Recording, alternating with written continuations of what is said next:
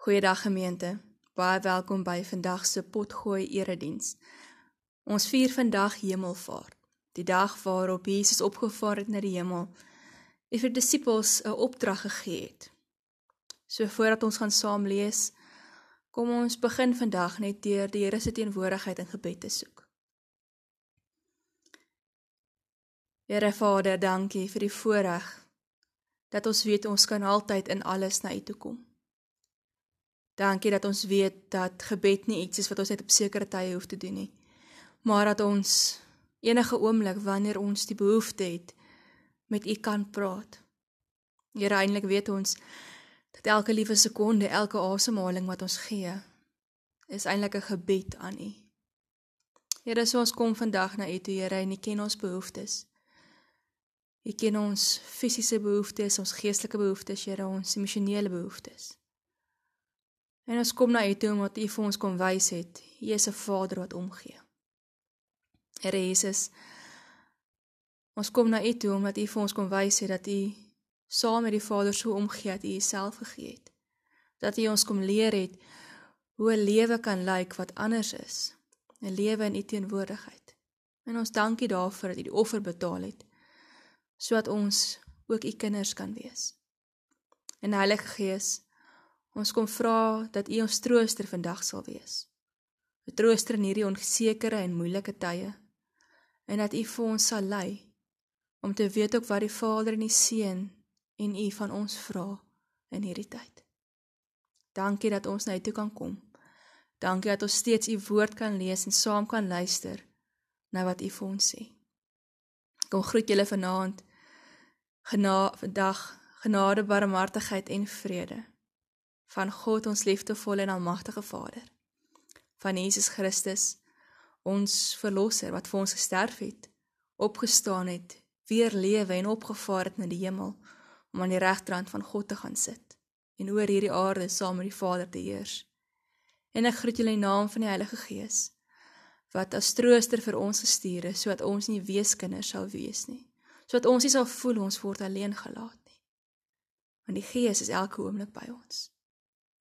Amen. Ons lees vandag uit Handeling 1 vanaf vers 1, die verhaal van die hemelvaart. In my eerste boek Theophilus het ek geskryf oor alles wat Jesus gedoen en geleer het, van die begin af tot op die dag van sy hemelvaart.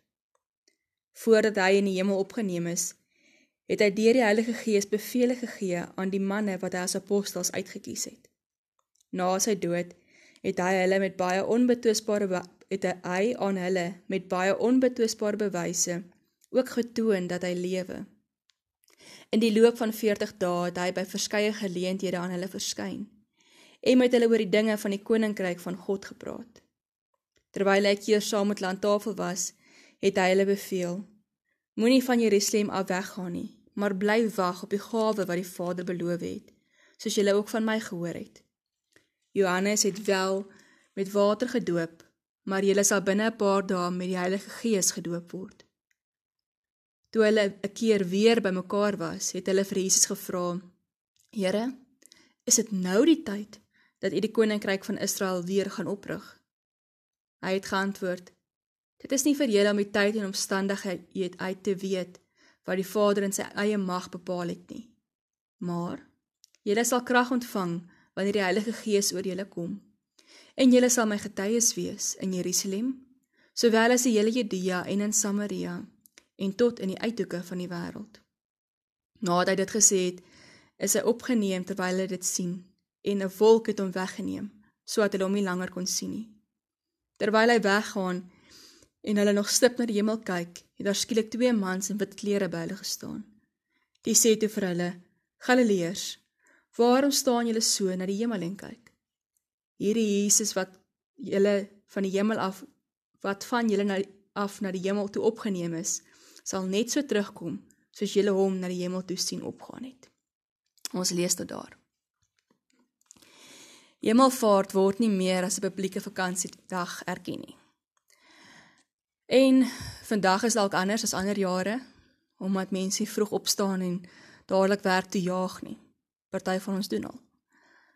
Maar as ons nie versigtig is nie, kan ons so gemaklik raak met publieke vakansie daar dat ons dit van selfsprekend aanvaar om ons geloof te leef en na te dink oor wat God vir ons gedoen het. Maar vandag is nie meer so nie. So ons moet versigtig wees ook om nie net dat die dag by ons verbygaan en die hemelvaart en die betekenis van die hemelvaart sommer net verdwyn nie. So waarom lees ons van die hemelvaart? Waarom het Jesus nie net na die opstanding direk opgevaar hemel toe nie? Hoekom moes ons in elk geval lees dat Jesus opgevaar het? Want dit is tussen die hemelvaart van Jesus en sy wederkoms wat ons gelowiges vandag leef. Dis in hierdie tyd wat afgeloop het, die 40 dae van van die opstanding Sondag af na vandag toe, wat Jesus gekom het en aan die disippels verskyn het. Hulle verseker het hy lewe waarlik, sodat hulle die erns van wat hy vandag op hierdie dag soveel jare terug vir hulle gesê het, sal opneem. Jesus het gekom om die kerk 'n opdrag te gee. Die wonder is dat die kerk van die Nuwe Testament, soos in Handelinge lees, eers begin groei het nadat Jesus opgevaar het en nadat die Gees uitgestort is. Die kerk bestaan vandag omdat Jesus opgevaar het en ons leef en ons bestaan sodat hy weer kan terugkom. Ons leef in 'n tussenin tyd. En in hierdie tyd moet die kerk steeds getrou wees aan die opdrag wat Jesus vir ons gee. So ons praat van die kerk vandag en gemeente soos ons in die volgende week gaan gesels. Praat ek nie net hier van NG Gemeente Queenstown nie. Ek praat ook nie net van die NG Kerk nie. Praat net van denominasies soos die AGS en die Hervormd en NG en Katoliek, Charismaties, Baptiste en en soveel ander nie. So ons praat van kerk, soos die Bybel van kerk gepraat het, en gemeente wees, gelowig wees, praat ons van alle gelowiges oor die wêreld heen wat die kerk vorm. Van die kerk van Christus is elke gelowige en elke groep mense wat Jesus se opdrag gee in hierdie tyd wat ons wag dat hy weer kom. So, wat is hierdie opdrag? In elke verhaal van die hemelvaart wat ons in die Bybel lees, gee Jesus telkens die opdrag vir sy disippels: "Gaan verkondig die koninkryk van God." Dis wat Jesus kom doen het. Dis wat hy met sy hele lewe en sy sterwe op aarde vir ons kom wys het. Wanneer Jesus oor die koninkryk gepraat het en al sy gelykenisse, het hy gepraat oor 'n lewe wat God kom gee, 'n lewe wat God van ons vra wat anders is as die lewe waarin ons leef. Is anders as vir die wêreld waarin ons leef. Ander standaarde. Dis 'n lewe waarin ons wys met elke liewe greintjie in ons en elke optrede en elke woord en elke gedagte dat ons God eerste liefhet. En daarmee saam ons naaste, die mense om ons net so liefhet. Dit is 'n koninkryk waarin ons ons eie drome, ons eie wil, ons begeertes alles ondergeskik stel aan God sodat hy verheerlik kan word. Ons bely as ons sê ons is koninkrykskinders dat ons nie onder ons eie heersing leef nie of onder hierdie wêreld se heersing nie, maar onder God se heerskappy. Maar tog sien ons as ons hierdie verhaal lees is asof hierdie disippels nie verstaan het steeds selfs na Jesus se sterwe en opstanding in hierdie 40 dae wat hy bedoel het nie. Want hulle vra hom weer: "Here, is dit nou die tyd dat u die koninkryk van Israel gaan op, oprig?" Dis asof hulle nie verstaan dat Jesus nie gekom het net vir Israel nie. Dat Jesus gekom het vir hierdie wêreld nie. Dat Jesus nie gekom het om 'n fisiese koninkryk en 'n ideaal op te rig nie, maar dat hy soveel meer wou gee. Daarom antwoord Jesus hulle weer en dit is dieselfde opdrag wat hy vir hulle vroeër gegee het om te gaan getuig, net op 'n ander manier. Hy sê vir hulle: "Dis nie belangrik om te weet wanneer die koninkryk opgerig gaan word nie, tyd en omstandigheid nie." In hierdie tyd hoor ons nogal baie boodskappe wat sê Christus se wederkoms is al hoe nader. Maar vriende, dit is mos nou nie vir ons nuus nie. Hier sit reeds hier vir die disippels gesê en soveel ander plekke, kyk ek kom gou. Ons weet Jesus op pad. Wanneer dit is, maak nie saak nie. Ons mors dikwels ons energie om te probeer om tyd en tekens te ontleed en te probeer vasstel presies wanneer Jesus weer gaan kom. Want ons soek die sekerheid. Maar ons word eintlik dan vasgevang in vrees en meer onsekerheid omdat ons nie feite kry nie. En dit lei ons aandag af van die opdrag wat Jesus vir ons gee. So daarom hoor ons weer dat Jesus hier sê, hy sê dis nie belangrik om te probeer bepaal presies wanneer en hoe hy gaan kom nie. Ons weet hy kom. Ons het nie meer sekerheid as dit nodig nie. Maar wat Jesus vir hulle sê, waarop ons hulle wel moet fokus en ook ons is wat ons tussenin moet doen.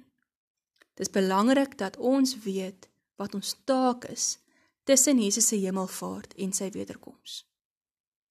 En is baie duidelik dat Jesus vir die disippels sê, hulle moet nie net gaan sit en terugsit en wag dat God weer kom nie. Ons kan baie gemaklik raak nou om te sê, kom ons sit en wag hierdie tyd uit. Maar dis nie wat God van ons vra nie op soveel plekke in die Bybel. Dis baie duidelik ons het deel om God se opdrag en koninkryk elke dag rondom ons sigbaar te maak. Jesus het met sy lewe kom leef. Hy het nie daarvan gepraat nie, hy het nie daaroor gedink nie, hy het kom leef. En dis wat ons as gelowiges moet doen om elke dag hierdie opdrag te leef. Hierdie getuienis van wie God is en wat hy vir ons kom doen het. En hierdie getuienis moet ons mooi sien waar hulle dit oral moet leef. In Jerusalem, dis daar waar hulle gewag het vir die uitstorting van die Heilige Gees. Dit wil sê dis ons binnekringe, dis ons vriende, ons medegelowiges, ons familie, ons gemeente. Dis waar ons hierdie getuienis moet leef. Maar ook in Judea. Dit was die streek waarin Jerusalem was ek in my lewe het ek nog nooit soveel gehoor van Chris Hani distrik soos in hierdie tyd nie. Maar dit beteken ook hier in Chris Hani distrik waar in Queenstown ons gemeente gesetel is. In ons dorp moet ons hierdie getuienis leef. Dis waar ons werk, waar ons skool gaan rondloop, besighede doen. Kuier, leef, dis waar ons moet getuig. Maar dan ook in Samaria. As jy nou mooi onthou die verhaal van die barmhartige Samaritaan en die vrou van Samaria by die put in Johannes, weet ons dat die Samaritane en die Jode nie vriende was nie. So hierdie mense, die disippels kry die opdrag om te gaan getuig ook daar waar hulle nie gemaklik is nie. Hulle moes ook vir liefde vir hulle vyande gaan leef. En dit moes selfs verder gaan na die uithoeke van die wêreld. Daar waar dit vreemd is, onbekend, waar niemand jou ken nie, waar jou daar moet jou lewe en jou getuienis steeds van Jesus getuig.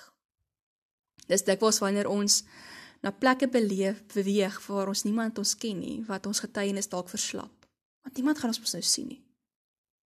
Dit kan ook wees dat dit net vir ons eintlik so veel moeiliker is daar tussen mense wat ons ken.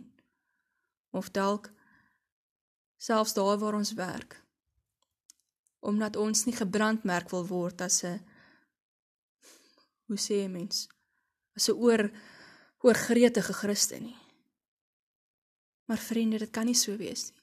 Ons opdrag, ons kernopdrag in hierdie wêreld is om te gaan getuig van God se liefde vir ons en vir ons naaste vir hierdie wêreld. 'n Koninkryk wat anders is, wat nie aan jou eie begeertes en jou eie wil blootgestel is nie, maar aan God se. Dit is wat ons moet doen. En as omdat die vroeë gelowiges geluister het na hierdie opdrag, wat ons vandag gelowig is, wat die evangelie die wêreld oor versprei het. Maar as ons eerlik is, weet ons dis nie altyd maklik om te getuig nie. Dit is nie maklik om getrou aan te hou leef kerk van God in al hierdie plekke waar ons moet nie. En daarom is dit my altyd 'n troos om hierdie verhaal te lees. Omdat Jesus sê ons gaan nie alleen wees nie. Hy sê ons moet wag vir die Heilige Gees wat ons met krag sal toerus om te kan getuig. Nou hier in in waar ons gelees in Handelinge is die Gees nog nie uitgestort nie. Maar van daar af is die Gees vir elkeen van ons uitgestort. Die oomblik as ons bely ons is 'n kind van God en met opregte, eerlike hart en gees doen, dan het ons die Heilige Gees. Asof jy na ver plekke te reis of buitengewoon ervarings te hê nie. Ons het die Heilige Gees, want Jesus het opgevaar en hom oor ons uitgestort.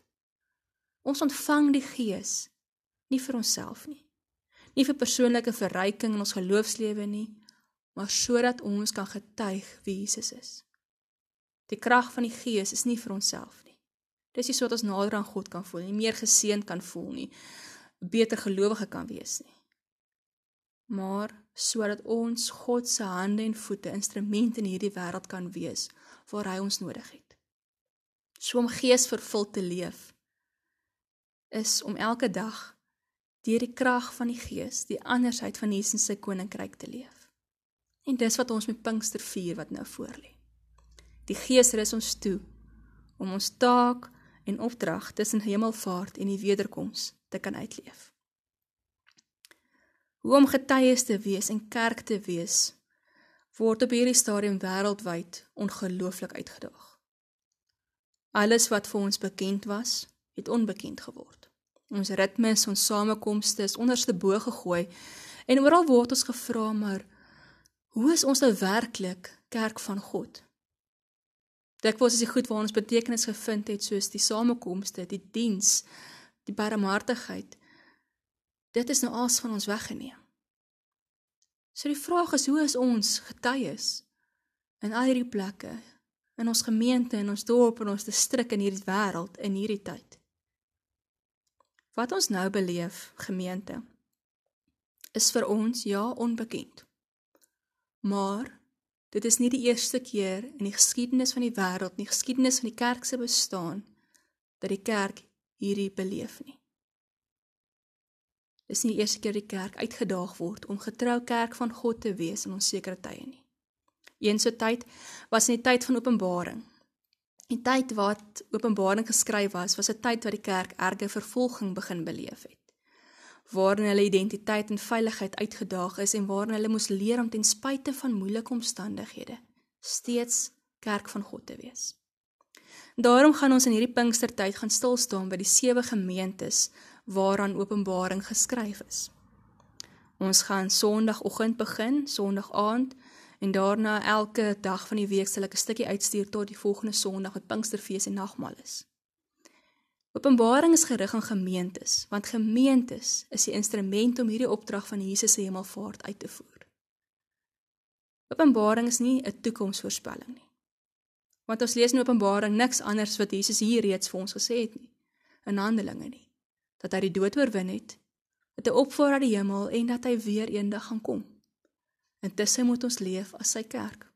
Dis presies waaroor Openbaring ook praat. Ja, Openbaring is vir ons 'n vreemde boek met simbole en beelde wat ons nie verstaan nie. Maar dit is 'n uitdrukking van hoe die swaar kry, die aarde swaar kry, gelowiges swaar kry om getrou koninkryk van God te wees in 'n wêreld wat dit nie wil hê nie, in 'n wêreld wat dit moeilik maak vir gelowiges, wat ongekend is, wat onseker is. So Openbaring is 'n boek wat wil hoop bring vir gemeentes in onsekere tye. So ons word uitgenooi om saam met hierdie gemeentes te kom leer om te getuig in onsekere omstandighede. Ons is gewaarsku om kind van God te wees gaan nie altyd maklik wees nie. Maar ons is nie alleen nie. Ons het die Gees by ons. En soos God hierdie gemeentes gelei het in Openbaring en vir hulle gehelp het wanneer hulle geval het en hulle gehelp het op sy pad, so sal hy vir ons ook lei. So, gemeente kom luister saam met ons van Sondag af die reeks van Openbaring. En kom leer saam by die sewe gemeentes hoe ons getrou kerk van God kan wees in hierdie tussenintyd. Dankie Here dat ons die voorreg het om deel te wees van u kerk.